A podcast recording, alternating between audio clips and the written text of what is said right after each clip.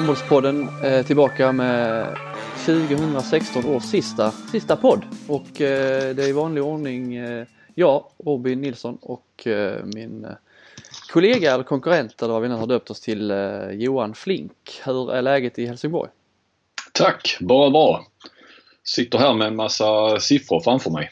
Mm, Det ska vi kanske komma tillbaka till. ja, hur, Inom eh, väldigt kort. precis. Hur eh, går annars? Eh, julhandeln? Den är, jajamän, eh, kom ju hem tidigare än vad jag kanske trodde från eh, EM så att jag fick ju några dagar extra där. Så fort jag kom hem var jag i princip ledig då förutom det här eh, siffrorna jag, som jag nämnde som jag sitter framför mig. Så att eh, nej, den eh, ligger väldigt bra till. Kan bli en liten sväng i, imorgon förmiddag också. Sen bär det av hem till Bjärnum på eh, eh, eftermiddagen och sen är vi där till, eh, både jag och min sambo är ju därifrån. Och eh, så är vi där i två, eh, ett, ett par dagar hemma igen på, här i Helsingborg på juldagen. Hur är det i Bjärnum nu? Är, det, är, det, är de färdiga med alla, alla bygge? Tyckte det har varit mycket vägarbete där. har det varit det? Ja, du kanske kör nog igenom det oftare än vad jag gör. Ja. Ja. Eh, ja men det skulle jag nog vilja säga. Så behöver- skulle nog bara behöva rusta upp eh, husen där som eh, står, eller fastigheterna. Och det ser inte så roligt ut där faktiskt när man kör igenom. Tyvärr. Det såg roligt, lite roligt ut förr i alla fall. Ja. Får Själv då? Ja, jag ligger risigt till med de här julklapparna. Det är sista, sista minuten som vanligt. Håller du dig i Kristianstad eller? Du, Jag håller mig i Kristianstad under julen. Ska vara tomte. Två, två olika ställen. Säg inte det till någon bara. Nej, nej. Nej, fan. Jag får ligga lågt med. Ja. Eh, det är väl barn då, antar jag, i, Ja, det är barn på de ställena där jag ska vara ja. och de lyssnar inte på podden va? Så att det är ingen risk. Nej, jag tror inte det. Tror inte det. En av få, eller några av väldigt få människor i Sverige som inte lyssnar på podden. Får du några julklappar då? Eh, ja, jag har ju eh, inte skrivit en önskelista men jag har nämnt för min sambo sådär för hon, eh, så ska inte du handla någonting till mig? Frågade jag till slut. Eh, du har inte frågat vad jag önskar mig. Så sa jag önskar mig en mössa. Så eh, vi får se om jag får någon mössa. En mössa. Mm. Ja. Har du varit snäll då? Du får kanske inga, eller vi får inga av eh, några, några delegater eller handbollsklubbar kanske? Inte du nu efter dina, dina siffror? Nej, nej precis. Den, eh, nej, därifrån får vi nog ingenting. Nej, men vi får ju ganska mycket uppskattning ska vi ändå säga eh, Robin. Eh, ibland får man något mail och något glatt, glatt tillrop på Twitter. Men jag märkte också stötte på väldigt mycket handbollsfolk i, eh, under EM. Man sprang på lite här och där. Och eh, det var ju, eh, då är det många som faktiskt, eller många, många, men ett antal som passar på och, och eh, ja, tacka för att den, den här podden finns och, och sådär. Det är ju väldigt uppskattat. Det är bra. Vi kör på Ja. 2017 också. Ja men det gör vi. Eh, men vi, som sagt, vi håller ju nästa vecka då mellandagarna. Då tar vi ett litet kort jullov och sen är vi väl tillbaka i, där kring 13-helgen. Eh, för då har ju eh, herrlandslaget samlats inför VM. Precis. Så eh, då har vi väl lite, lite material att snacka om. Men det är klart, eh, ligorna tuffar ju på nu i mellandagarna också. Det var ju fall herrligan. Jag vet inte hur damerna är, men de måste väl också... Jo, de börjar nu igen. Ja, de har ju börjat, men, eller ja precis. Men jag bara tänkte om de kör mellandagarna också. Men, Ja, jo det gör de. Eh, men det jag tänkte bara, vi kan ju snyggt glida in på samarbetspartner. För, eh, det kanske slutar på ICA Maxi när du ska handla julklapparna. Ja, eh, det är inte omöjligt. När du ändå ska ha falukorv och makroner menar jag. Ja precis och då, där, de har ju böcker där med så att uh, julpyntet eh, finns ju kvar. Ja. kan man, det kan man ju handla, det är ju som billigast i mellandagarna. Eh, Ja, så att, eh, Det är ju då, då får man ska ju vänta på. tills dess. Ja, som man har till nästa år ju. Det ju, får man vara lite förutseende. Eh, som sagt, ICA Maxi Kristianstad och eh, iPlay Sport eh, fortsätter vi jobba med. Det tror jag vi gör nästa år också, eller hur? Det gör vi. Det tar Ja. tid. Jag såg Håkan vi- Hellström igår. Var du i Malmö? Ja, Malmö Arena. Finalarena. Ja. Jag missade första låten. Jag hoppas de inte är så Malmö Arena, lite så va. Eh, något år tog ju ölen slut där eh, vid, någon, vid den första 2012 tror jag, den SM-finalen. Och nu missar, missar man första låten för att eh, det är så lång kö till garderoben. Oj. Ja. Persis miss. Persis miss. Nej, vi får hoppas de löser det. Nej, det är kanske inte så många som har jackor med sig på, i maj. Nej, nej, nej precis. Det är lite enklare då. Men nu var det många som hade jackor. Var det bra då? Ja, fem eh, gungar. Fem plus. Ja, av fem. Av fem. Jag har aldrig sett Håkan Hellström live. Jag kan inte säga att jag har lyssnat jättemycket på honom heller. Det får vi ändå erkänna. Även om det borde landa någonstans i sådana. Jag gillar ju Winnerbäck och Lundell och och lite där svenska eh, män. Kent. Vad sa du? Kent, gillar du honom? Eller Kent. honom, dem? Ja. ja, men det är också sådär. Det är lite som Håkan Hellström att jag eh, känner till en del låtar och kan sjunga med lite grann och, och sådär men inte något som jag har lyssnat på jättemycket. Eskilstuna-borna eh, håller för öronen och, och blundar. Ja, det blir inga julklappar där. Eh, Jarmo skickar väl inga eh, efter detta. Denna, detta erkännande. Nej, eh, nej men Hå- Håkan är eh, populär i handbollskretsar så att honom får du väl eh, försöka omfamna då. Det får bli ditt nyårslöfte. Lyssna Ja. mer på Håkan Hellström. Varför kallas han bara Håkan? Han kallar sig själv för Hellström eh, under Ja. konserten så kanske det man borde kalla honom. Nej men jag bara tänkte, jag har en teori om det där. För att, eh, jag, jag tror att det hänger lite grann ihop med att han är från Göteborg. För att jag har en känsla, jag har eh, ett par kollegor som, från Göteborg som jag eh, både jobbar med och vi umgås lite familjevis och sådär. Eh, Mikael Wagner och Petra Thorén på Sportbladet. Och eh, de säger alltid, eh, alltså när vi snackar spelare då. Och då är det alltid om, eh, alltså IFK Göteborg, Häcken och alltså deras lag, så är det alltid eh, förnamnen som de kör med. Eh, alltså det är Tobias om Hysén. Det är eh, vad heter han, Hjalmar om Hjalmar Jonsson. Eh, medan jag kör ju nästan alltid i efternamn. Eh, och kallar mig själv i efternamn också för den delen. Men liksom som är det naturliga. Eh, någonstans.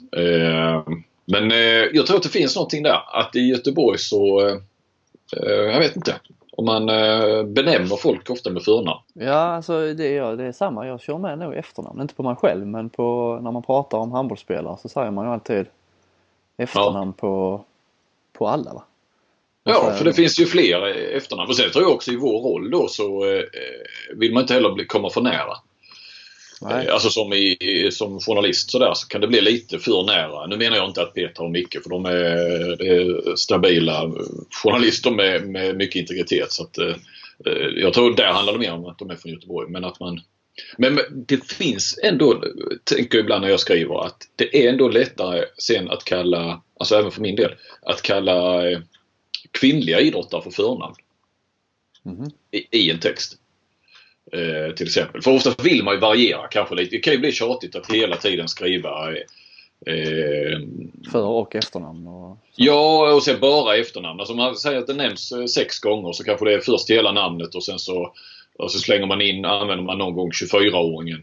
Och sen så, ska det, så är det fyra gånger till sådär. Så det beror på vilken. Är det en lång intervju och man försöker bli lite, komma lite in på livet då kan, då kan det funka med, med ett förnamn. Men eh, Smeknamn eh, skriver man ju ibland också. Nästan var, eh, kan jag känna ibland att om det är ett eh, känt smeknamn eller vä- väl tilltaget så, så kan man väl nästan använda smeknamn mer än man använder förnamn.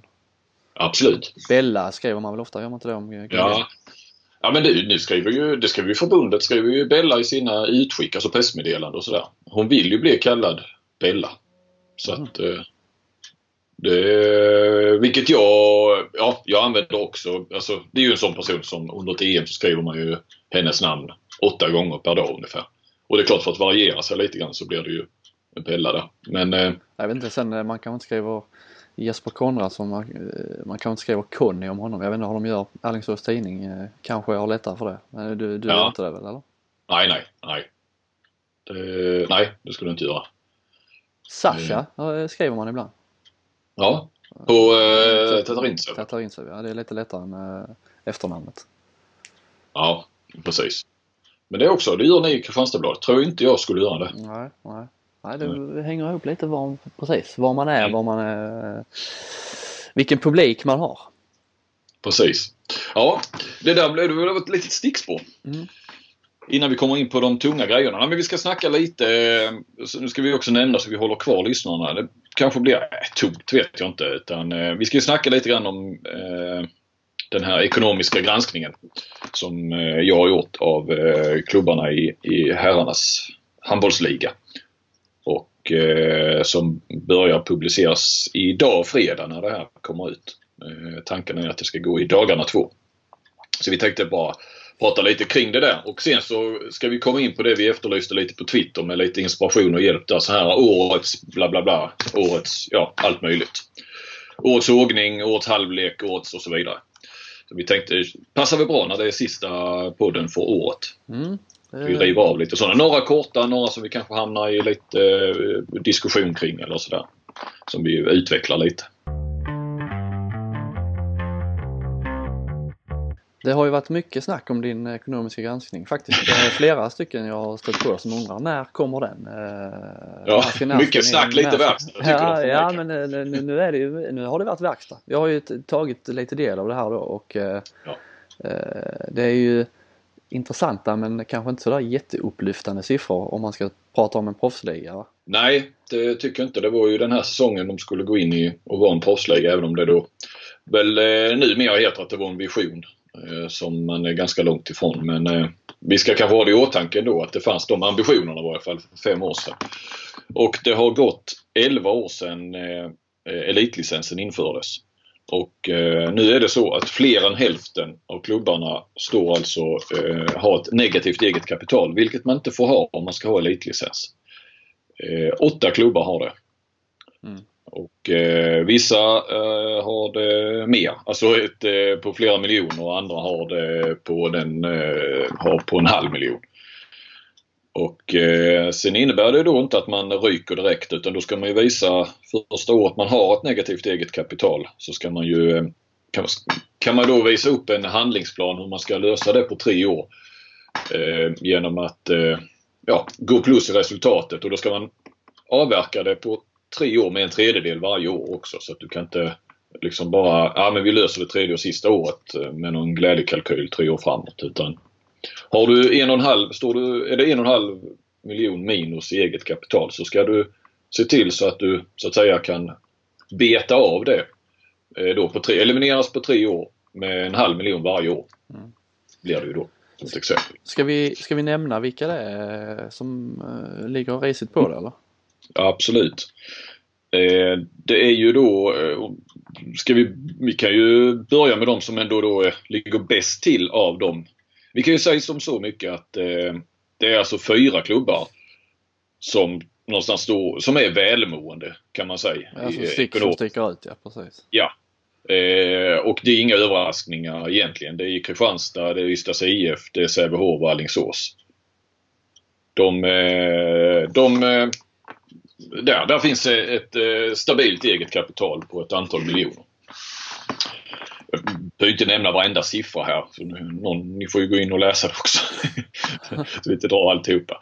Eh, Guif står också på plus. Eh, men det gör de tack vare att de har något som heter Guifhallen eh, som de äger en fastighet som eh, är alltså värderad till eh, över 7 miljoner. Och som de då eh, får ha med in där, den värderingen som gör att eh, de hamnar på plus i eh, eget kapital. Och sen har vi Rico som står på ja, plus minus noll. Eh, som inte gör någon större plusresultat heller. Och Rico med, som har företaget Rico i, i, i ryggen. Eh, ja, de, de, det är väl, jag har ingen aning vad deras tankar är så för jag har inte snackat så mycket med dem. Va? Men de ser nog alltid till att ligga plus minus noll kan jag tänka mig. Och sen har vi då i eh, fallande ordning eh, på negativt eget kapital Karlskrona, Skövde, Lugi, Malmö, RIK, IFK Ystad, Aranäs och Hammarby. Det är åtta klubbar varav egentligen Guif på sätt och vis också. Eh, för hade de inte haft den här eh, hallen, ja precis, så hade de alltså haft eh, minus 4,3 miljoner. Och då hade de varit allra värst när det gäller eh, eget kapital.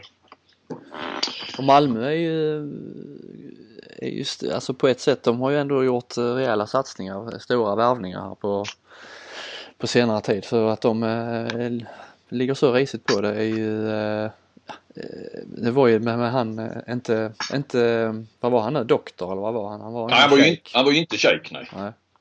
Men han döptes ju snabbt till shejken. Det var väl, ja det var väl JP på Kvällsposten som kanske även Sydsvenskan och Skånskan hakade på där. Han, han, fick ju, han är ju kuwaitier så han blev ju snabbt shejk då. Det är det lättaste, det, men det slår man till med direkt så fort man ja. har, har någon från det Det måste vara en Sen är det upp till honom, det är upp till honom att bevisa att han inte är det. Ja. Eh, nej, det är möjligt att han var doktor någonting, jag vet inte.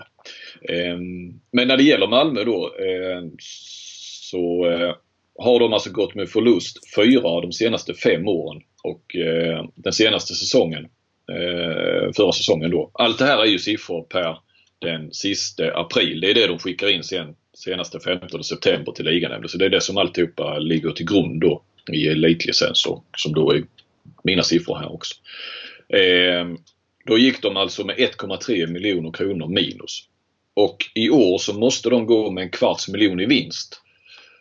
Och det ska de då göra med en dyrare trupp, för den skaffade de ju för att de skulle ha sin eh, kuwaitiske vän med sig in. Mm. Eh, det var ju Soran och det var, vad heter han, Kvalvik va? Eh, kanske inte jättedyrt och Blickhammar väl inte heller jättedyr men Petersen. de har ju sen tidigare, Petersen då som kom redan i januari, februari. Allt det där var ju, och, och det skulle ju inte vara några problem. Och det var ju också, de skulle ju värva alltså, spelare som lirade Champions League. Det var ju en Vranjes, alltså inte Jobo då utan en annan Vranjes de hade på väg in. Och, och men så visade det sig att eh, han fick inte föra in några pengar i Sverige Kuwaitien. Så att uh, han hann ju bli hedersordförande också i klubben. Mm. Han var, han var lite bitter på de eh, svenska skattereglerna. Lite som ja. eh, Iman Jamali när han eh, lämnade IFK. Han, han, förstod inte, han förstod inte vårt system hur det kunde vara, kunde vara så dåligt. Nej. Men eh, nej, Eh, och det där har ju, det är ju lagar för att hindra penningtvätt och så vidare. Och sen hade han väl också varit politiker där nere vilket på något vis försvårade då att föra pengar från Kuwait in i Sverige. Så att han är ju inte alls med på tåget nu längre. Och eh, där står ju nu Malmö då med med en, en eh, okej, okay. jag har pratat med Rasmusson och han säger att truppen är inte så dyr som folk tror. Eh, vi har lyckats bra i förhandlingarna och sådär. Men, eh, men ändå. 1,3 miljoner minus senaste säsongen ska då vändas till ett plusresultat. För att de ska kunna eliminera sitt eh, eh, negativa egna kapital nu på tre år. De är inne på år ett av detta då. Så att, eh, sen är det intressant också då med de här negativa egna kapitalen. De är ganska stora men sen så har ju nästan alla sex av de här åtta klubbarna har då något som heter efterställda lån vilket är ja, privatpersoner kan väl vara företag också. Eh, snälla människor med pengar runt, som finns runt eh, respektive klubb som då eh, lånar ut pengar för att ja, rädda en elitlicens, eh, rädda resultatet och det, dra, beta av på det egna kapitalet. Så det är, lånar de ut pengar som i princip är helt utan villkor. Det är ingen ränta och de behöver inte betalas tillbaka förrän klubb, klubben står på plus igen i det här egna kapitalet. Vilket alltså sex av åtta klubbar har. Så att, eh, eh Malmö har ett egentligen negativt eget kapital på minus 1,3 miljoner. Alltså lika mycket som de gick minus då i, i, i fjol. Men så finns det ett efterställt lån på 0,5 miljoner, alltså på en halv miljon. Vilket innebär då att det är 800 000 som ska elimineras på tre år. Alltså i runda slängar då en kvarts miljon måste de gå plus det här året. Jag vet inte om ni hänger med i all, alla siffror. Det kanske blir för mycket på en gång. Det är enkelt om man har det framför sig. Men... Hur som helst är det mycket pengar som ska in. Eh, för klubbar som redan, eh, alltså som, som e- inte går plus varje säsong utan snarare har gått ganska risigt de senaste säsongerna, de flesta här eh, som redan ligger på åt till. Så ska helt plötsligt vända, det är inte bara det att man ska få in lite extra för att rädda, man ska ju vända en trend, gå från minus till noll först och främst. Sen ska man ändå dra in, liksom göra plusresultat. Mm. Ja, ja precis. Eh, och det är ju så att Malmöpubliken är lite högre snitt i år men det vallfärdas ju inte va utan de ska försöka lösa det då med, med större, ja, fler eh, sponsorer, mer sponsorpengar. Eh, jag har en eh, som är tanken att den artikeln kommer på lördag då. Den här ekonomiska granskningen går ju två dagar så att säga. Fredag, lördag. Så att då får Jörgen Rasmusson, eldsjälen som man ändå får ge honom att han är ju en av dem som då naturligtvis har gått in med de här efterställda lånen, villkorslösa lånen. Eh, det säger han själv. Så är det du? Ja, jag är en av dem, sa han. Eh, onekligen finns det ett fantastiskt engagemang och ett stort hjärta i klubben från, från honom. Va, som, det är ju stort sett han som driver runt det där känns det som. Han gör allt. Han sjunger eh, inmarsch eller eh, ja. Malmölåten och trummar och, och går in med pengar och allt, allt möjligt. Det är eh, sådana goa sådana, sådana människor men det är ju rätt, det är lite rätt, rätt skört att ha det på det viset med en så person som och tröttnar han så, så känns det som eh, då går det åt pipsvängen.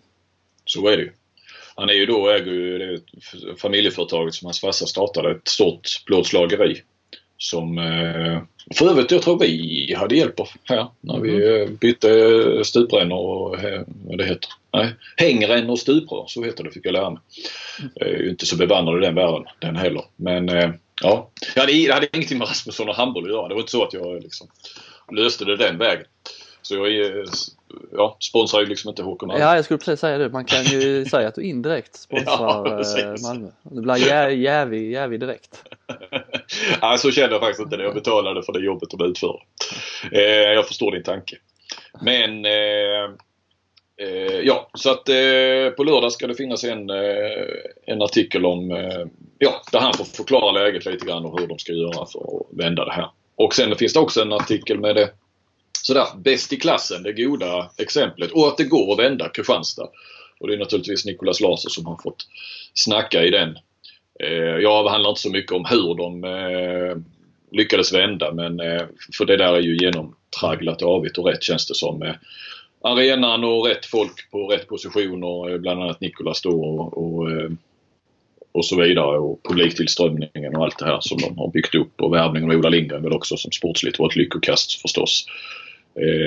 Men det är ändå ett, som kanske ändå ett, att det finns hopp även för de här som ligger risigt till. Ja, För det är han, faktiskt ett, ja. Han nämner ju, ja precis, han nämner ju Det finns ju, han är ju inne på också som du har skrivit i texten där, det finns ju hopp. Eller det borde finnas hopp för det finns ju lite handbollsstäder och så. Det är ju några exempel som han, som han tar upp också i, i din text va? Ja precis. Han, eh, vi, vi, vi, kan väl låta folk läsa det men där finns ju en, när jag frågar honom vilket, vilket tror du då av Eh, jag ställer frågan eh, vilken av klubbarna som har det tufft ekonomiskt då ser du störst potential i? Alltså han får inte nämna då Alingsås och, och så som, och Sävehof utan eh, av de här som ligger lite risigt till så har han, han pekar ut en klubb där som han definitivt tror på. Så den kan ni ju själva då ta reda på. Men man ska ju alltså, när, när han och eh, Samuelsson och flera andra gick in i IFK eh, 2009 då hade man alltså ett e negativt eget kapital på 1,3 miljoner och hade just gått minus 680 000 eh, det, den säsongen. Och eh, ja, då hade du ju varit där nere där eh, Malmö ligger. Det är nästan ja, lite åt samma siffror faktiskt. I varje fall i, i eget kapital då, minus. Och har sen vänt det. Och eh, jag frågade honom också om, om eh, det, liksom, det var unikt för Kristianstad tror han. Att det går det att göra i en annan tid i en annan stad och det som, som precis som du sa, det tror han ju också. Eh, som man säger, det gäller bara att plocka upp rätt pusselbitar med rätt kompetens. Och så skickar han en känga till RIK kan vi väl säga. Mm. Eh, som, eh, ja. Så det kan du läsa lite om, om det exemplet. Du teasar väldigt mycket här nu. Ja, men jag vill ju inte, jag vill inte säga allt. Eller hur? Eh, du vill ha klick, det, du vill ha klick igen. Ja, ja, ja för fan. Eh, mm, det är ju det, det, är det jag lever på. Ja. Som folk tror. Mm. Eh, men vi kan väl säga också att Sävehof är ju... Alltså tittar man rent på eget kapital så är ju faktiskt Kristianstad numera rikast. Eh, med 6,1 miljoner i eget kapital. Mm, det är omsättningen där de eh, blir lite piskade på. Eh, precis, av Sävehof. Rätt så rejält. Sävehof ligger på nästan 53 miljoner. Kristianstad på 32 miljoner drygt. Eh, och sen har topp ner till Lugi på 22 miljoner. Men då ska man ju veta att Sävehof, eh, 33 av de 53 miljonerna är ju Partille Cup. Kommer ju därifrån. Mm. Eh, och dessutom har man ju ett eh, Sveriges bästa damlag som eh, är ute och spelar Champions League. Och enligt eh, Albrektsson där som jag kollade av så ligger ungefär fördelningen då. Men nu tar du 53 miljoner så tar du väck 33 miljoner Partille Cup och så har du 20 miljoner kvar. Hur ser fördelningen mellan damer här ut då? Och då säger han att det är 60-40 till herrarna har det sett ut de senaste åren. Och sen dessutom är det ju världens största klubb. Alltså de har ju världens största ungdomsverksamhet också som de mm. är inne i den där uh, omsättningen, budgeten och vad man nu ska kalla det. Så eh, Kristianstad är ju de som är och jag menar Lugi då på tredje plats eh, har ju också ett, ett eh, damlag i, i toppen i Sverige. Eh, så Kristianstad har ju en, är ju på sätt och vis då överlägsna sett till att de har ett lag plus en vanlig ungdomsverksamhet. Mm. Så de är mer också att jämföra egentligen med herrallsvenskan då där det finns eh, sådana här, nu gör ju förbundet motsvarande lite grann av det jag har gjort. En, en, en analys går ju ännu djupare. Eh, där klubbarna är tvingade att, skicka in eh, alla möjliga uppgifter kring sin ek ekonomi. Mm. Men, men Sävehof mm. där, 60-40 eh, till herrarna. Hur, eh, varför, varför, varför för, pratar ni något om det? Varför är det på det viset? Så damerna spelar ju Champions League och borde ju, ja visst man tjänar väl lite pengar men eh, det borde kosta en hel del också och med löner och med det är ju, de har ju värvat, värvat hem lite spelare nu som ska väl ha lite betalt. Ja. Är, det, är, det, är det så stor skillnad i, i löner fortfarande på, på här och där? Ja, jag vet inte. Nej, vi pratade mer om det så. Eh, vi mejlade faktiskt bara kring det här har vi bara mejlat, eh, Abbe och jag. Eh, så nej, det gick faktiskt inte. Det kanske jag skulle gått eh, mer in på egentligen. Men, eh, ja, det är en annan, annan fråga kanske men det är ju ändå intressant mm. med mm. när man har ett så, så profilerat och starkt damlag att det ändå är 60-40 till, till herrarna. Visst ja. så har de ju fått hem Larholm och så men, eh, mm. men ändå. Ja, men de klarar ju sig bra i damligan. Det gör de. Ändå. Men, eh, men eh, nej, nej absolut. Eh, nej, men jag skulle bara göra jämförelsen. Då som sagt Sävehof och Lugi med damlag och alltihopa. Så är det ju inte på herrsidan. Det är ju alla i allsvenskan. Eller på fotbollssidan. Där är ju alla i allsvenskan är ju Ja, det är ju herrklubbar på det viset. Eller de har ju tror jag uteslutande ett, ett elitlag och, ja, och sen är det den vanliga strukturen då. Men där kan vi säga då att Falkenberg ligger sist i den senaste 2015 är ju den som det finns en analys av och då låg de på 30 miljoner vilket är ungefär som eh, Kristianstad då gör. Jag tror Åtvidaberg som var i Allsvenskan 2015 låg bara ett par miljoner högre där så att eh, om, om man vill ha något att jämföra med. Eh, sen drar det iväg upp, eh, MFF är ju då helt överlägsna senaste åren med 250 miljoner per år de sista två åren med Champions League och så. Mm. I omsättning. Eh, men eh, så vet ni lite där att Kristianstad är ändå uppe på, ja och Sävehof då är ännu högre men, men då är det med Partille som sagt och ett damlag också. Så eh, man är ändå, ja, man är ju toppen av handbollen är då ekonomiskt som lite jämför med botten i fotbollsallsvenskan. Sture Kullman han har att göra i år också alltså? Du det har han, det kan man väl säga. Ja absolut. Men han var bra att snacka med men han är oerhört lojal mot eh, klubbarna. Eh, han pratar inte om några enskilda klubbar eller någonting. Eh, eh, han var på väg någonting och så bara nej nu lurar du mig, nu lurar du mig. Fick, skulle du få mig att säga någonting jag inte får säga och sådär. Så att, eh. Varför är det så stängt då? Det är ju det vi har pratat lite om det innan också. Mm. Att det, det, finns ingen eh, det skiljer jäkligt mycket i öppenhet mellan klubbarna. Och det är ju egentligen inga hemliga siffror på det viset. Som man det här är ju sånt som de lägger ut på sina årsmöten.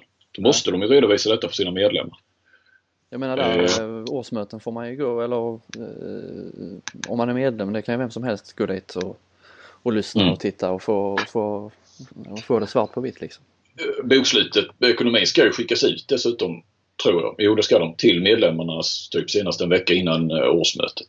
Eh, nej, det är en otroligt stor eh, skillnad för eh, det kan vi ju komma in på nu också. Men jag ska bara säga också att både då, det har jag nämnt tidigare, Gensel och Kullman är ju för en ökad transparens. Alltså att de skulle släppa ungefär samma siffror som jag nu har eh, tagit reda på. Alltså eget kapital, omsättning och resultat och sen hade de någonting annat till också. Eh, det skulle de vilja och enligt Gensel nu så är det på gång. Nu skulle de väl ta något beslut om detta i februari klubbarna och så ska de börja med det nästa säsong. Men när jag ändå pressar Gensel, men om det är en klubb som säger nej då blir det inte. Nej men då kan ju alla andra utom dem då. De kan aldrig tvinga, så de kan aldrig ta ett beslut. Även om, nej, nej, även om 13 och 14 så då blir inte den 14 som inte vill tvingade att redovisa sitt utan då slipper de. Eh, vi får väl se nu när, eh, jag vet inte, jag hoppas jag kan hjälpa till i, i en ökad öppenhet med det här. För nu, eh, för nu är det... Kan all, allsvenska klubbarna i fotboll ha den öppenheten så borde handboll är ju känd för sin öppenhet när det gäller allt annat så att det borde mm. väl inte vara så märkvärdigt. Nej, och jag tycker också att det finns, en, inte bara för att stilla vår nyfikenhet, utan det finns ju också med tanke på att flera klubbar, det händer ju nästan varje säsong och i förra säsongen var det två klubbar, var Guif och Skövde, så mitt under säsongen ja, kräver eller begär eller önskar att eh, eh sina anställda då, både personal och, och, spelare, ska gå ner oerhört mycket i lön. Vi snackar ju 30-40% eh, mitt under säsongen. Eh, då tycker jag det finns en anledning till en större öppenhet så att spelarna vet lite grann vad det är de eh, skriver på för, för klubb och eventuella risker också. Jag tycker man skulle kunna vara öppna med det för att alla... Så korten finns på bordet och så får man välja då för att det är ju många klubbar som säkert sitter med en... Det finns ju många glädjekalkyler och så vidare hos klubbarna och när de skriver på så säger de att så här, så här tänker vi och så här kommer det bli och så blir det inte så. Eh, Fan, nu pratar jag i vanlig ordning mycket här Robin.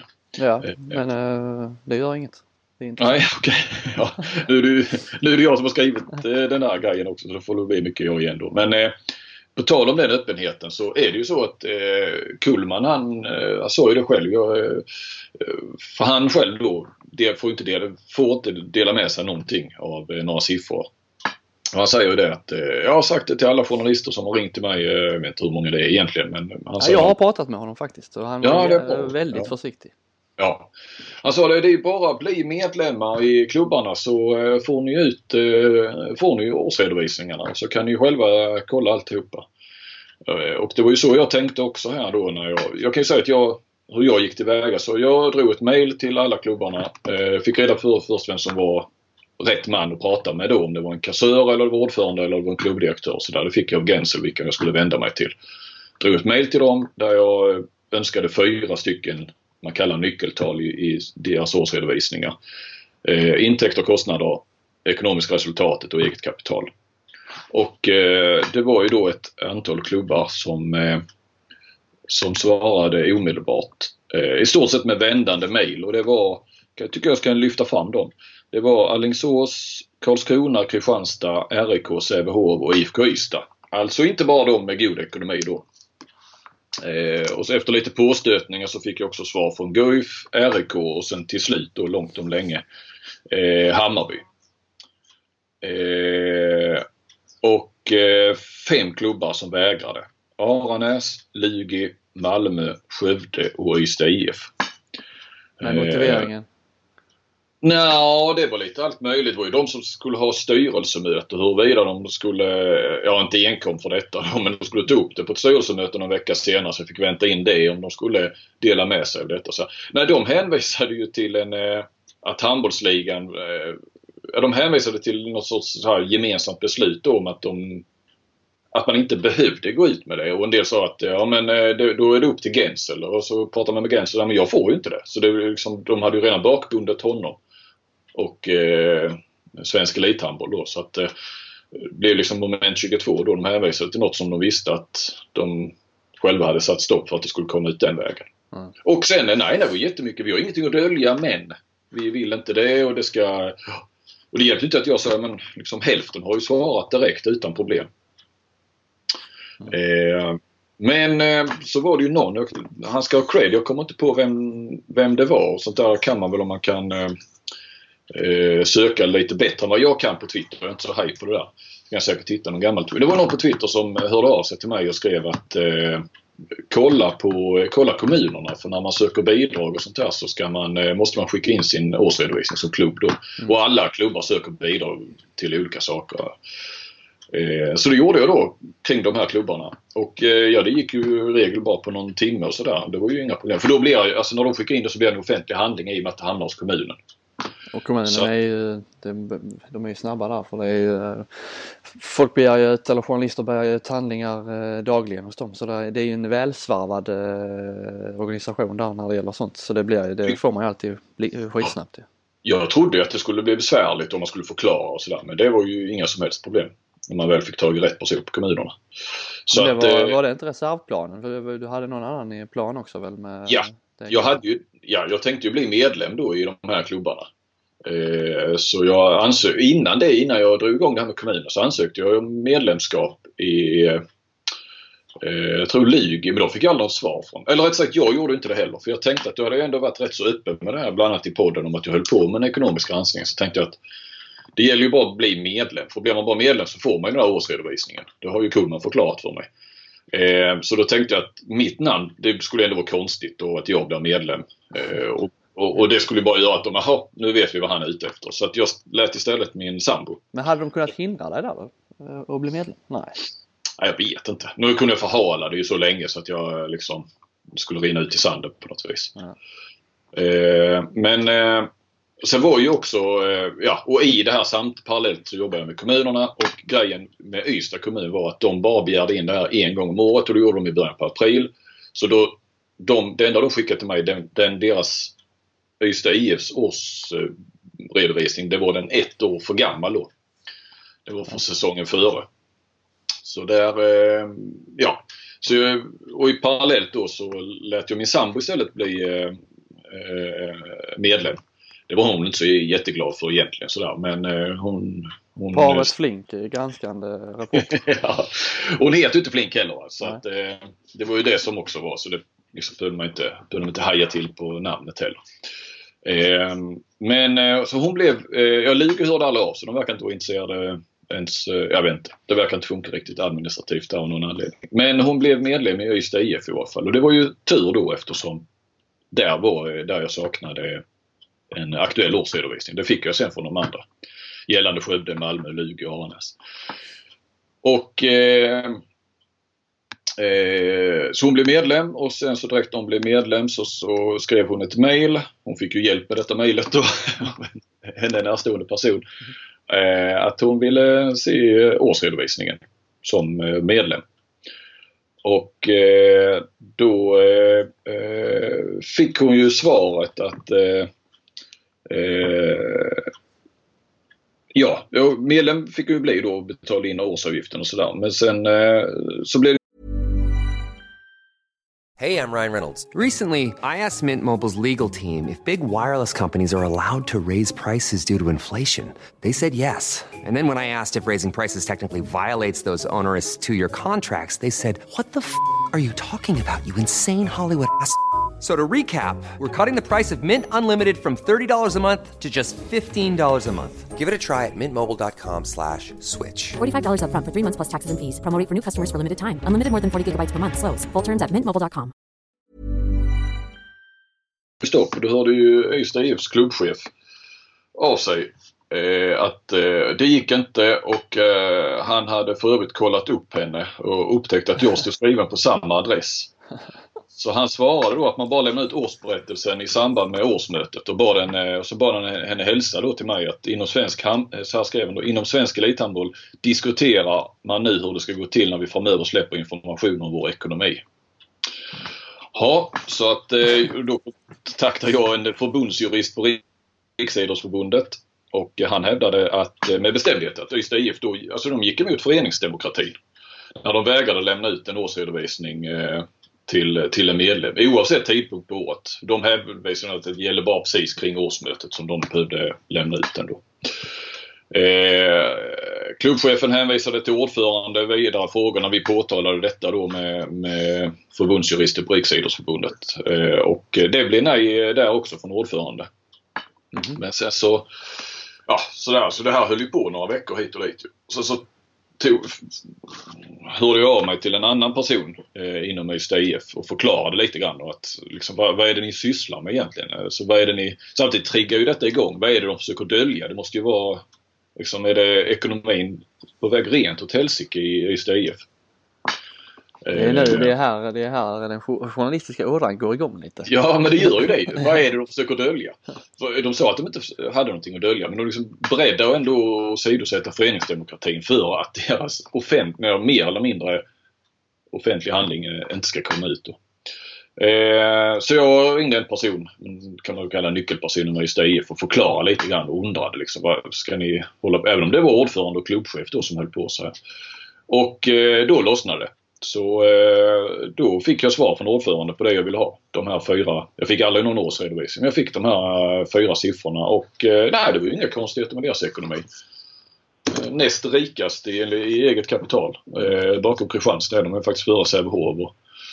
Eh, vet inte riktigt vad hade de gjort. Ja, ett eh, okej okay resultat för fjolåret också. Nej, mycket märkligt det hela. Jag frågade vi var bara på mejl till ordföranden. Så vad, vad var det som var så hemligt kring detta då? Så, eh, det fick jag inte heller. Ah, det kan vi ta någon gång när vi ses. Så eh, Till slut så fick jag, men där ser ni, det är liksom Ja.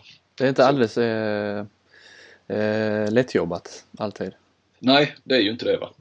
Men eh, ja, ja. Lotta är fortfarande medlem i Ystad IF i varje fall så. Ja, och lite ska du väl göra själv för lönen också?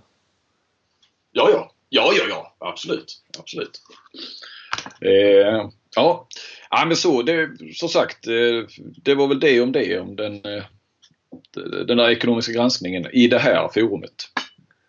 Eh, gå gärna in och klicka på Sportbladets artiklar. Eller faktiskt ännu hellre får jag säga, köp tidningen för en gångs skull. För att eh, ett sånt här material eh, blir ju mer åskådligt. Eh, eh, det är lätt att ta till sig med massa siffror och, och tabeller och sånt i, eh, i en klassisk papperstidning. Eller läs den som pdf i iPad och så vidare. Mm. Du kan så, även läsa Kristianstadsbladets e-tidning. ja. Apropå ingenting. ja precis. precis. Det finns andra tidningar också man kan läsa som ja. brukar säga på i, i de statliga medierna. Ja. För att balansera upp det. Eh, du, det var mycket om det. Detta om detta. Eh, vi hade utlovat eh, årets ditten och datten. Årets ditten och datten. 2016 eh, eh, går mot sitt slut. 2017 tar vid. Eh, vad minns du bäst av 2016 innan vi kommer in på eh, vår lilla lista? Ja men det var väl all, all, all dramatik. Eller det, var, det har varit ett oerhört intensivt landslagsår får man ju lov att säga. Ja, verkligen. Eh, Eh, och, man då, och så tenderar man kanske då, man kan ju nästan dra med damernas VM då som det någonstans började med i december. Även om det var 2015. Så, så, så blir det oerhört intensivt med OS-kval för både damer och herrar och OS och, och, ja, och så mästerskapen då. Där, ja, men, bara så här nu när du frågar utan att jag har tänkt så mycket så tyckte jag nog att herrarnas EM var ju rätt så kittlande Eh, där det liksom, nej de kan ju aldrig, kommer aldrig kunna ta sig till ett OS-kval eh, och sådär. Och sen så då hur de, de liksom lyckades trassla sig vidare. Jag gick bara tillbaka och kollade då eh, när vi skulle göra den här årets grejen då, årets ditten och datten. Eh, jag tror jag beskrev det någonstans mitt i ena mikrochansen för att Sverige ska ta sig till ett OS-kval. Många bitar som föll på plats. Och sen då in i OS-kvalet som alla, alltihopa till slut handlade om en enda straff. Den kan vi väl återkomma till. Den, eh, ja, det var en häftigt. Sen blev inte OS så roligt varken för damerna eller herrarna. Inte minst, allra minst för herrarna kanske på sätt och vis som inte ens gick vidare. Eh, den tyckte jag var eh, häftigt. Och sen då ett hemma-EM som heller inte gick. Alltså själva mästerskapet gick kanske inte riktigt som, de, eh, som man tänkte. Och herrarnas EM var väl inte heller någon lysande sådär. Men det var ju hela tiden den här kittlande OS-chansen som fanns. Så, ja, den, den eh, minns jag. Och du då? Ja, jag, jag håller lite med. Jag gillar ju att komma iväg. Vi får inte komma iväg så mycket som du får göra. EM var ju... Eh, jag var inte där hela, hela vägen men... Eh, Nej, du var ju nere i Polen där ja. Ja, kul att komma ut lite i, i verkligheten. På de, mm. stora, mm. på de stora arenorna. Det, och så var det var ju med och så oerhört, jag vet inte om det var, kan man kalla det krångligt men det var ju liksom eh, vad, vad krävs för att de ska ta sig till, eller vad var liksom förutsättningarna var liksom nöja efter varje match. Vad krävs nu? Vad krävs nu? Var ska vi mm. hamna? Och, ja, det, mm. var, det gjorde även om de inte man tänkte ju aldrig att de skulle gå och vinna, vinna EM men det var, fanns ju ändå en sån här Det kändes ju ändå som en seger på något sätt.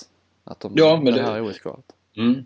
Och det är det som är kul med de här Europamästerskapen emellanåt att det finns den här. Annars hade det ju varit ett iskallt för svensk del eh, eh mästerskap jäkligt tidigt. Ja. Så det har blivit lite grann som damernas nästan. Ja. Det har tagit slut ännu tidigare i praktiken. Så, eh, nej, och sen då så när man håller på med det här då som kanske lite handbollsfantast och börjar snacka om de här chanserna rätt tidigt. Och så, så, oftast gör man ju det och griper halmstråna för någonting att skriva om. Men det, oftast så, ja, så, så blir det ju ingenting av det. Men nu gick de ju då hela vägen. Så det var väl det i efterhand också som kändes sådär att ah, det var värt att älta det här från, nästan från början. Liksom, vägen fram då. Ja. Mm. Årets 2016. Precis. Eh, ska vi börja årets sågning? Ja, eh, vi kom ju fram till, eh, där fanns ju lite att välja mellan, men vi kom fram till eh, Ola Lindgren eh, skickade iväg en liten känga där när Anton Lindskog skrev på för Wetzlar. Eh, mm. Det fick bli årets sågning. Han sa, eh, sen kan man fråga sig om Anton Lindskog är mogen. Lindskog pratar om att han ska vara deras första val det är mycket sånt som man stör sig på. Vissa är mogna, vissa är kanske inte det. Och denna levererar inte denna mitt under EM? Mitt under EM, ja. Precis. Ja. Ja. Eh, årets efternamn. Kytchky Kildis. Mm. Kildis. Ja, satt som en smäck där. Så uttalar man det. Jag hade lite problem och jag gjorde väl aldrig några försök. Du gjorde några försök men jag tror att ja. det gick sådär när vi pratade om det. Ja. Eh, Skövdes där eh, Skövde damernas eh, Året- profil.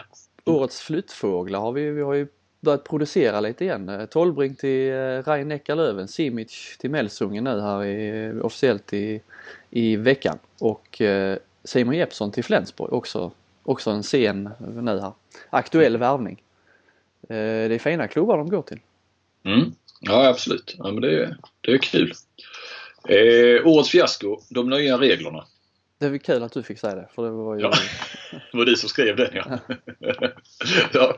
Eh, ja. vi vet ju, vi vet ju vad du tycker där så att eh, Årets, årets tabell. Det, är den som inte längre finns tycker jag. Eh, Den riktiga tabellen. Eh, Som Max Ner skrev, det finns bara ett alternativ, alternativt universum. Men eh, den tycker jag att den som är årets tabell, inte den riktiga. nej. Årets halvlek IFK Kristianstads första i SM-finalen. Vad hade de där? Hade de eh, 18, Sex så. 18-6 ja. ja. Årets eh, podcast. Eh, jag tror vi är överens. Eh, Offsides pod- podcast som vanligt. Definitivt. Ja, Le- eh, informatören i, i Guif eh, ville ha avkast och också bra. Jag gillade deras På spåret avsnitt. Ja. Piol är lite, Josef Piol är lite underskattad tycker jag. Han får, får, får mycket kängor men han är ju, har ju varit dominerat där och vunnit någon omröstning med lagen och nu vann han nästan På spåret. Han är älskad av lyssnarna. Ja precis. Årets minst saknade Charlie Röksner i Skövde. Eh, given va? Mm. Årets mest underskattade eh, tyck, har jag själv utsett eh, utan eh, någon jury. Jim Andersson, HK Malmö, tycker jag aldrig skrivs om eller nämns i någonting. Tycker alltid han är bra när man ser honom. Mm. Mest överskattade? Ja det är ju shejken, Mr Ahmed, eller doktor eller vad han nu är, i Malmö. Eh, årets värvning. Magnus Persson, Alingsås. Mm. Det var många som trodde på Sasha där kanske men eh, vi kom fram till Magnus. Årets smeknamn? Bella Guldéns pojkvän. Ja, den eh, jobbade de ju in Kvällsposten om Linus Persson. Mm. Han fick inte heta någonting annat när han eh, blev klar för IFK Ystad. Årets smeknamn 2 eh, står kvar sedan några år tillbaka. Dårfinken. Eller? Ja, ja, ja, jag köper den. Det är väl jag det ja. Hos eh, Sveriges största handbollsagent. Ja. Eh, årets bojkott. Bella Guldéns pojkvän mot Kvällsposten. Mm, det var, det var tydligen en bojkott. Ja, Eh, årets eh, avbrutna bojkott. Don Beutler pratar ju med Kristianstadsbladet igen. mm. tiden läker alla sår. Mm. Årets ojämna jämna liga. Supertajt bland topplagen men också oerhört ojämna resultat i handbollsligan. Väldigt stora siffror. Eh, många matcher. Det är lite Ja. trist. Det är min gamla käpphäst. Ja. så, spri- så spricker det lite. Det blir någon överraskning då och då. Ja. Men eh, precis. Kul att det är tajt i, i toppen ändå. Det skiljer väl, jag vet inte, är det två poäng fortfarande mellan ettan och sexan? Ja, Ja, något sånt. ja. Eh, vi har ju några årets Simic, Simic citat. Det finns ju några stycken att välja på. Eh, ett av dem eh, kommer jag ihåg från eh, efterpartyt där efter SM-finalen. Eh, till några avkast tror jag de hade någon ljudfel där. Det, kommer en ny generation målvakter och jag är ledaren. Ingen, hö, ingen höjbris alls. nej, nej, precis. Eh, årets fråga. Var är Albin Tingsvall? Ja, jag undrar ju det. Var är han? Vad gör han? Ingen handboll. Länge sedan Nej. pratades om, om Tingsvall. Han, eh, han var ju lite inne på att han skulle göra en comeback eller göra någon, någon match eh, med Bjärnum, eh, moderklubben där. Eh, de försökte ju lite grann men eh, sen la, det la ju Bjärnum ner ju så att det var kanske därför det inte blev mer handboll för Albin. Eh, nej jag vet inte om han är, är han psykolog, är han färdigutbildad? Sen kör han ju med, oh, vad heter han, Jens va? Som han spelar med i Hammarby. Eh, de är ute och kör lite föreläsningar om, eh, försöker väl, tror jag, till en hel del ja, föräldrar men väl även elitidrottare men då föräldrar till elitidrottare eller de som är på väg att bli elitidrottare hur viktigt det kan vara med, med utbildning Mm. parallellt. Alltså att man ska försöka utbilda sig som ung elitidrottare för att ha någonting att falla tillbaka på. Tror jag ungefär är är, eh, kontentan av det där. Men det svävar ju lite i luften. Som sagt, vi vet ju inte riktigt vad han gör. Men det är ju också, eh, det är bra att ha något att falla tillbaka på men det verkar som att eh, det blir samtidigt svårt att hålla igång karriären. Handbolls, om man vill bli riktigt bra i handboll så är det svårt att göra det samtidigt som man utbildar sig. Det krävs ju oerhört mycket idag. Albin hade ju för mycket att falla tillbaka på så han Ja. slutade med handbollen. Ja. Årets genombrott eh, på här sidan kan vi säga Simon Jeppsson va? ja, det tycker jag. Känns ju helt plötsligt lite given i landslaget. Ja, alltså på den nivån. Sen var han ju inte okänd eh, sen ett par år tillbaka. Men på den här nivån. Och lite på samma nivå också eh, på damsidan. Anna Lagqvist förstås. Eh, årets förbundskaptenstillsättare Lasse Tjernberg. Eh, Ja, landslagschefen. Han har fått jobba i år ja. Ja, verkligen. Eh, både sparkat och tillsatt. Va? Sivertsson fick gå. Eh, där kom då Helle Thomsen först in och som sen nobbade och sen var det Signell där. Det var på damsidan. Va? Sen på herrsidan så var det Staffan och Ola. Ja, följetong där med, med lite med Ola. eh, Framförallt Ola då vad han vad hans roll skulle bli och om det skulle bli något överhuvudtaget och nu är det ju ingenting eh, och sen kom Andresson, Andresson, Andresson, Andersson va? Andersson. Ja. Eh, precis och innan dess var det ju då Vranja som det skulle bli och som nobbade. Magnus Andersson var inne en sväng och de ville ha Mats Olsson ihop med Christian. Va? Och, ja, det, och assisterande har det ju också varit. Eh, jag menar Helle Thomsen hade ju sin danske kompis med sig i OS-kvalet och sen var det Jan Ekman då som blev det med Signell. Och, eh, och så blev det Bokvist där. Ja, det har varit många. eh, Mycket. Han har haft eh, mycket att göra Tjernberg. Mm. Och då är det jag va. Vi kör ju lite varannan här. Årets eh, ta i som man spricker, Patrik Ekwall. Som eh, fortsatte att att hamra fast eh, praktfiasko. Gjorde han det textmässigt i söndags i sin söndagskrönika i, i den mindre kvällstidningen. Eh, om Uff. Sveriges, eh, Sver- Sveriges EM-insats. Eh, Debaklet. Debaklet ja. eh, ja det, vi, vi drog ju mycket om det där va men eh, det var ju megafiasko och praktfiasko och, och allt vad det var. Eh, lite intressant, jag vet inte. Han har aldrig uttryckt någonting sånt när eh, herrarna med Staffan, eh, framförallt ja, Ola, men framförallt Staffan som de är ju kompisar. När de har slutat eh, åtta i ett, eh, i ett EM, vilket väl har hänt några gånger. Inte så ofta de har varit högre än eh, en, en sjunde, åttonde plats. Jag tror det har hänt två gånger bara. OS-silvret i London och eh, fjärdeplatsen i hemma i, eh, där. Över åtta år så det har, ja, det har Ekwall aldrig varit i närheten av att döma ut och ifrågasätta Staffan och Ola. Nej, eh, årets drama, Sverige-Spanien i OS-kvalet. Eh, det var ju Niklas Ekberg där med straffen som, som tog oss dit till Rio. Mm. Det Jag får man säga var dramatiskt och nervöst framför TVn. Årets Nobelpris i matematik. Om det nu finns något, annars borde de instifta det, eller inte kanske. Eh, I varje fall så borde väl då inte det, ja nu säger jag det. Årets Nobelpris i matematik, delegaterna. De kan väl få det gemensamt. Det är väl mer än en som har fallerat i varje fall. Eh, när det gäller att räkna spelare. Ja, eh, det kan man ju säga att det har gjort. Eh, årets eh, Ralf var det många som eh, ville ha på Twitter också. Eh, Det går till Lundberg. Så, Ja. vi, så har vi sagt hans efternamn också. Eh, årets eh, informatör eller kanske ja, metamorfos, Jarmo Menti. Som Mm. gick från en sådär lite elak twittrare. Ja, han var ju med, herregud. Han jobbade Ja, ju ganska på, kritisk också mot uh, Guif uh, twittrar han. Men nu uh, Ja, han på andra han kunde ju, han kunde ju eh, var ju lite inne i den här svängen att eh, hålla på och sticka till folk på, på Twitter och, och vara lite svår att förstå ibland och gillade att bara driva eh, ja, driv, ja, driva runt här, eller vad man ska säga. Som är planlöst. Men nu är eh, får vi säga, mycket bra informatör kallas han väl då. är väl hans titel i Guif. Eh, precis. Han har gått också ju. Som sagt, han har gått från då att vara kritisk. Han har ju bytt sida också så sett. Men eh, gör, Det- gör ett bra jobb tycker jag. Det är bra, man ska göra, är det något som är dåligt så ska man göra någonting åt det. Och eh, det har han gjort. Mm. Årets eh, utvecklingspotential, kan inte du ta den här? Jo, ja, jag får erkänna att jag hittade den idag. Ett sätt att få med den i podden. Ja, utveckling, årets utvecklingsprocess måste finnas i Kirgizistans handboll. Eh, totalt sett kan man säga. De, de spelar ju nu någonting, det här hittade jag på Handbollskanalen. De är ju fantastiska på att, plocka, på att hitta sånt här. Va? Men eh, de, de körde en artikel. Det finns något som heter IOF Trophy då, där de, ska man säga, sämsta lagen om jag har förstått det rätt i olika världsdelar spela någon form av turnering och sen kan man gå vidare och så ska det i slutändan bli någon slags VM för de sämsta eller vad ska säga. Alltså du ska ju ändå vara bland de bästa där för att få vara med i detta VM. Men i Centralasien i varje fall så lirar de ju då någon sorts eh, kval eller turnering till det där. Eh, där eh, Kirgizistan hade det tufft kan man säga.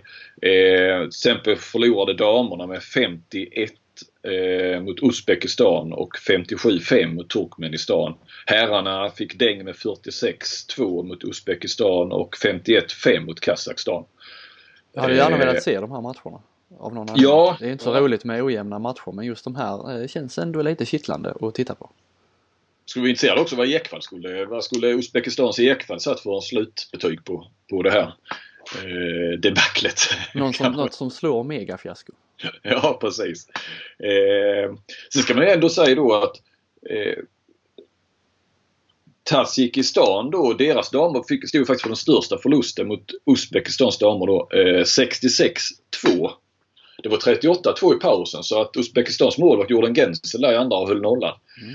Eh, men sen så de här Tadzjikistans damer de slog ändå Kirgizistan med 15-8 i bronsmatchen. Ja, fascinerande siffror. Mm.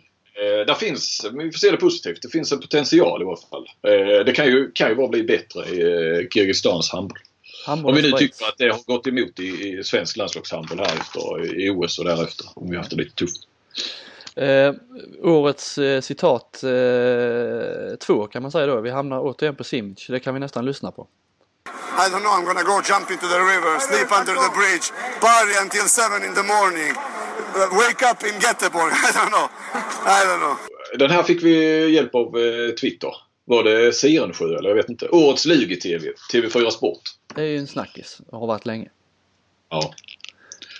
Eh, jag undrar fortfarande varför det ser ut som det gör. Men eh, det får, det, får vi ta, det får vi ta tag i 2017. Varför så många huvudmatcher är, är Lugi-matcher? Ja. Mm. Årets räddning, Don Beutler, Jerry Tolbrings straff. Aktuell. Ja. Den var ju otrolig. Kan man titta på ja. många gånger. Utan konkurrens där mm. kan man väl säga. Eh, årets flopp 1. Ja det är ju Sasha. Tatarintsev. Det får man ju säga. Han gjorde ju mål nu mot Aranäs men mm. eh, missade också rätt så mycket där. Det gjorde väl alla, gjorde väl mål mot Aranäs? Ja. eh, årets flopp 2, Öysta IF. Fortsätter att gå tungt. Ja, det får man ju lov att säga. Och då kan man ju inte skylla på skadorna bara utan eh, Ja, de tog ju in Magnus Lindén nu på bänken. Brukar alltid vara ett tecken när de tar in eh, att eh, det är någon som är på väg ut. Kanske Seifert då i det här fallet.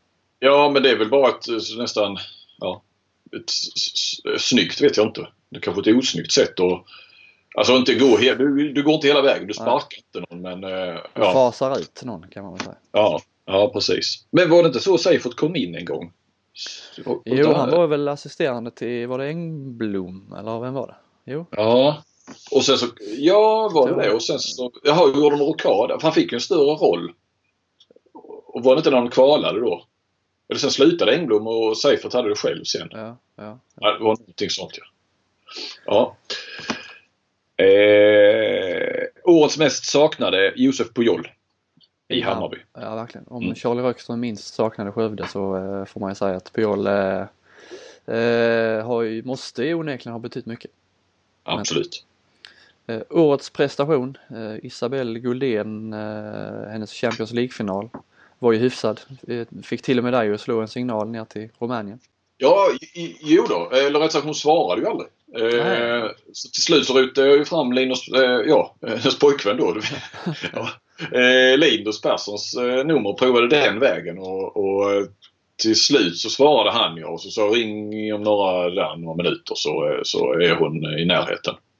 Och så gjorde jag det och hon svarade direkt Hello stalker. Eh, då hade hon väl sett att jag hade ringt eh, men bara gett fan i att svara.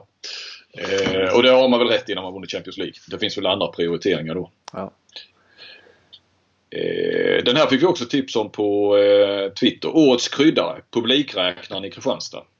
Mm, mycket, mycket snack om det också. Det är ju, de redovisar sålda biljetter där. Inte, där kan ju vara Publiksiffran kan ju vara 4 och 9, 5 tusen men eh, de tomma stolarna är ju ofta ganska många.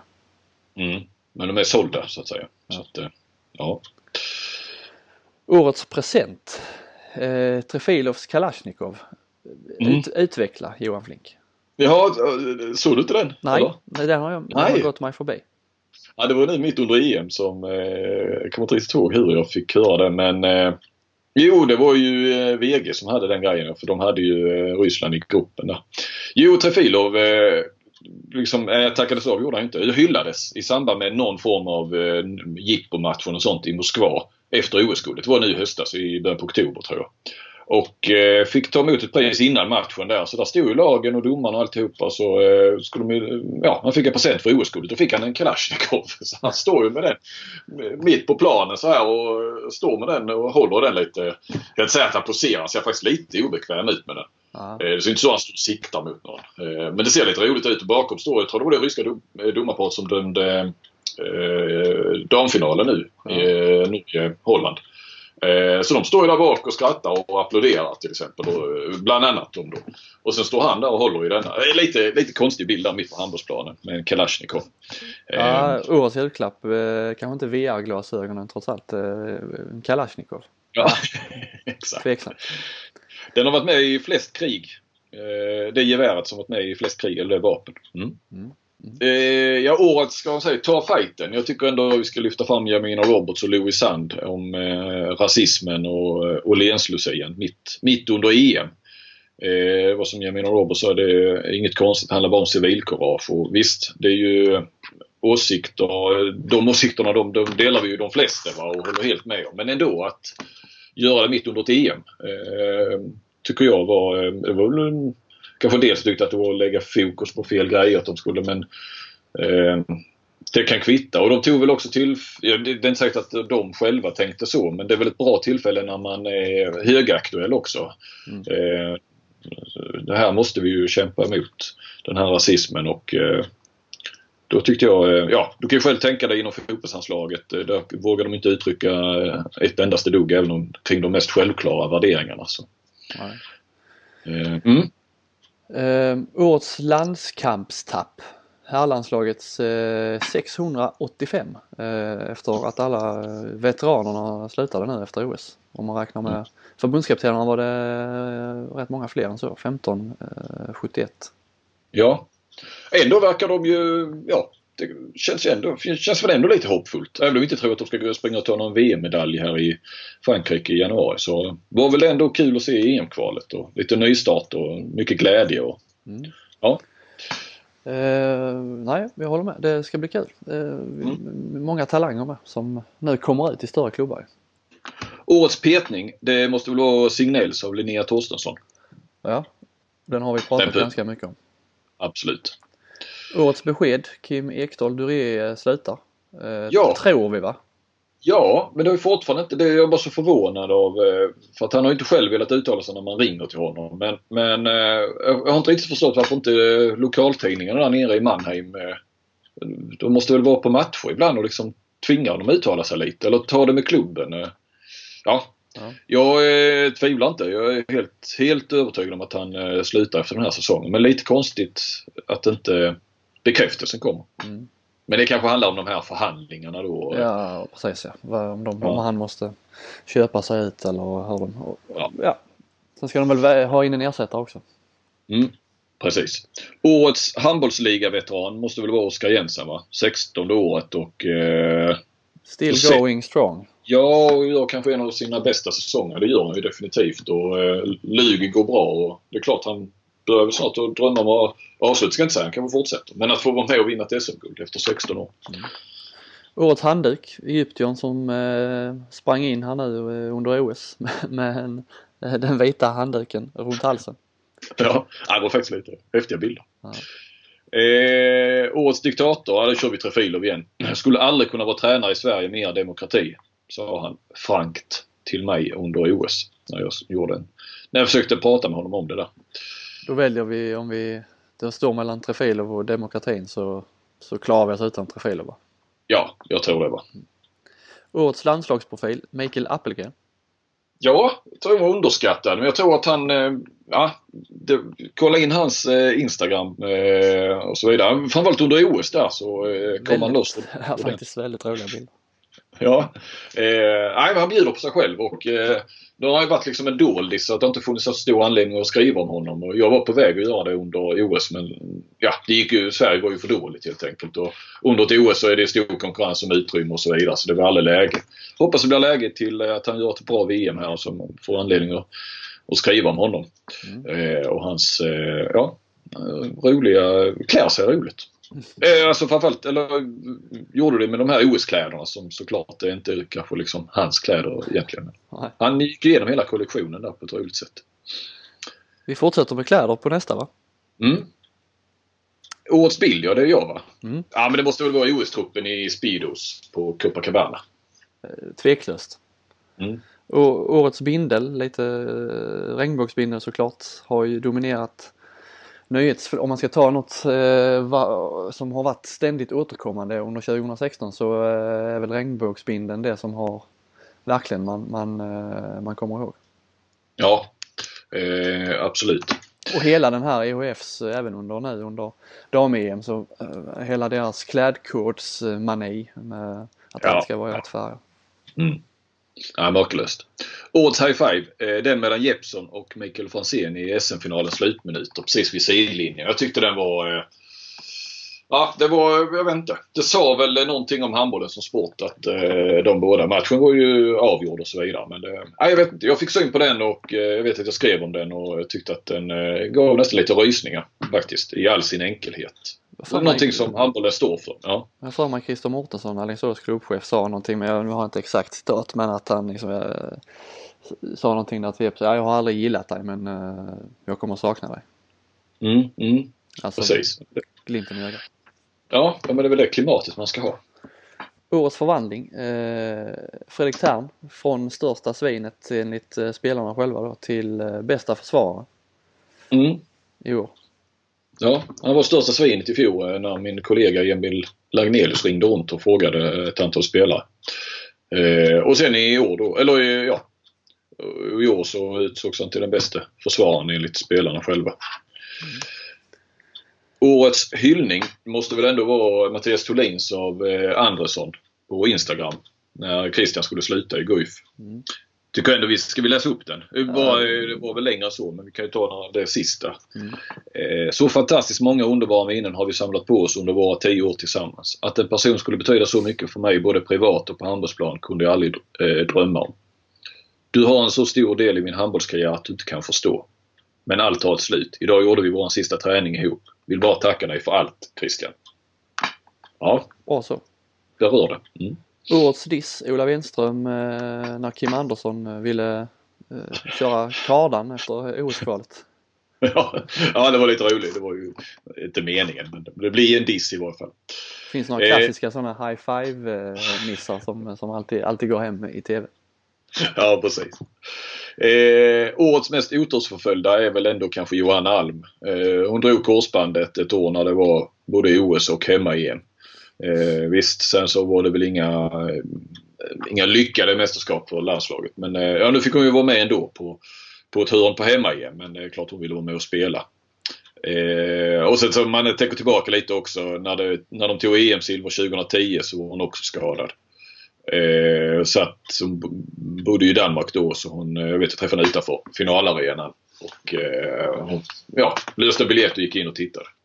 Eh, och sen också det var hemmamästerskap, då var hon ju riktigt ung. Eh, EM 2006, eh, då eh, var hon ju med på förlägret men eh, fick titta på EM som reserv. Så. Haft lite otur kring, kring mästerskapet. Men har fått vara med om mycket. Hon var ju med, hon har ju fått eh, vara med om var med om OS 2008 var hon ju med. Då var hon ju den stora stjärnan.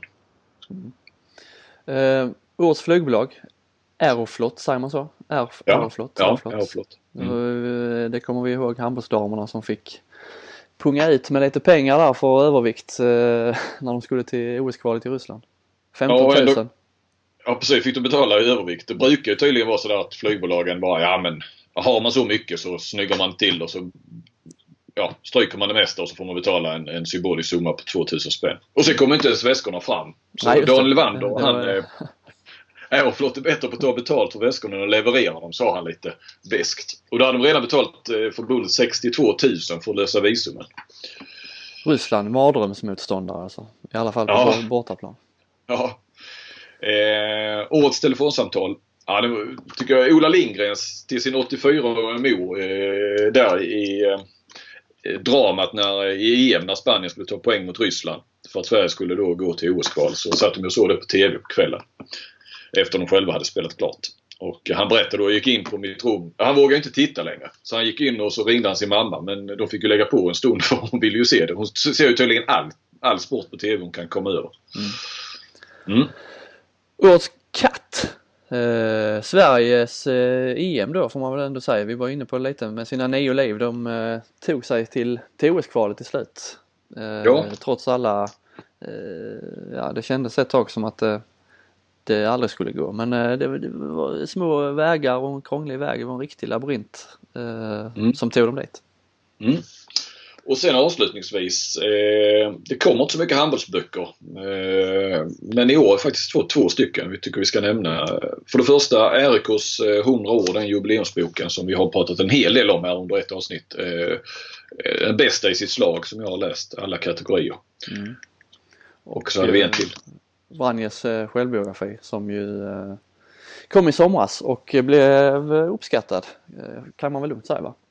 Ja, verkligen. Så det är mer av den där sorten vill vi, ju- vill vi verkligen se framöver. Nu, nu har ju inte alla klubbar kunnat Ja, alla är ju inte hundra år till att börja med men, men eh, har väl kanske inte de fantastiska profilerna som RIK har haft heller. Eh, men det var ett gediget arbete rakt igenom.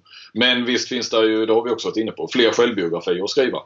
Ja, det kan man säga. Eh, gärna så utelämnande som, som Vanjes också var så ärlig. På det viset. Så eh, ja.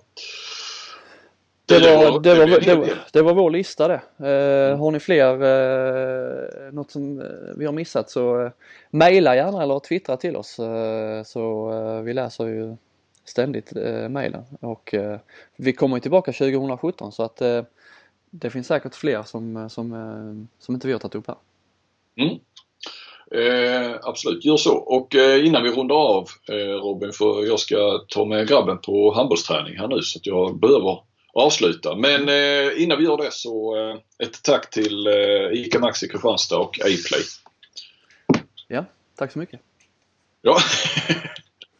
eh, ja, men då hörs väl vi om eh, två veckor igen kör vi. Två veckor kör vi igen ja. Ja. Tack för i år. Tack själv. Det har varit en ära att få göra den här podden med dig. Ja, eh, likewise. Ja. Dito. Ja, vi plejer vi varandra på ryggen. Ja. Det känns gött. Ja. Eh, ha det bra. Samma. Hej.